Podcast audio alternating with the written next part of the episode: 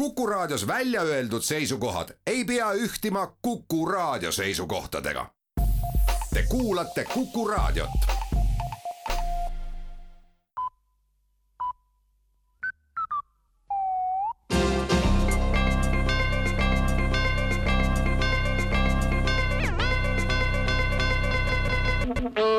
tere kuulajatele, uudistega eetris Rohke Debelak täna hakkab Riigikogu arutama seaduseelnõud, mille kohaselt pannakse avalikule enampakkumisele tasulised kohad Riigikokku. see tähendab, et alates järgmisest Riigikogu koosseisust oleks üksteist kohta Riigikogus tasulised ning erakonnaliige või üksikkandidaat, kes valimiste teel Riigikokku ei pääsenud, aga seda endiselt väga soovib, saabki asuda tasulisele kohale tasulise Riigikogu liikme koha hind sõltub avalikust enampakkumisest, ent ei ole eelnõu kohaselt vähem kui kaheksa tuhat eurot kuus. tasulised kohad aitavad rahastada Riigikogu ja vähendada riigieelarve osa Riigikogu funktsioneerimises. kaugemas tulevikus on plaanis kogu Riigikogu tasuliseks muuta, siis saavutatakse, et ükski rahvasaadik ei tule Riigikokku pelgalt palga või muude aineliste hüvede pärast, vaid hoopis suuremate eesmärkide nimel. ka jääb siis ära üha pikenev ja sisutühi valimiskampaania periood valitsus aga annab teada, et ettevõtjate kriitikat ja rahulolematust valitsuse tegevuse aadressil on palju ja see võetakse ka teadmiseks, ent ettevõtjaid on siiski rahvastikus selge vähemus ja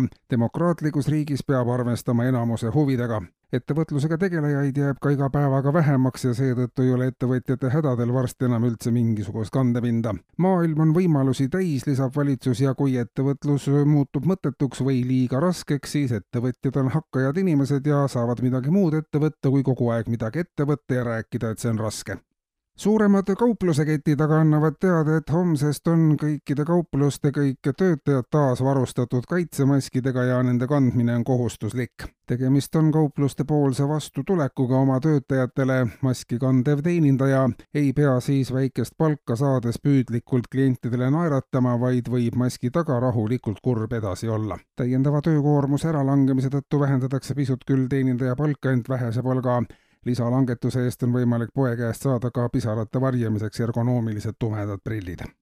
ja veel palgast. värske uuring näitab, et kaua kindla kuvandina esitletud meeste ja naiste palgalõhe on tegelikult siiski sageli hoopis meeste kahjuks kaldu ehkki statistika näitab, et meestel on sageli suurem palk, on väga sagedased juhtumid, kui mehel on nädal pärast palgapäeva kogu raha otsas. vahel on otsas kolme päevaga ja harvad pole juhud, kui mees ei jõua isegi töölt koju, kui juba on kogu palk jõudnud otsa saada paljudel naistel aga on ka kuu viimasel päeval eelmise kuu palka alles ja sellest elab kogu pere palgalõhe joonistub sageli välja ka nii, et ametlikult on mehel suur palk, kuid koju jõuab sellest murdosa. lõhe reaalsuse ja teoreetilisuse vahel on väga suur. uuringu läbi viinud töörühma järeldus on, et tegelikult on suurem osa Eesti rahavarudest siiski naiste käes ja kogu probleem on valesti püstitatud ja ületähtsustatud.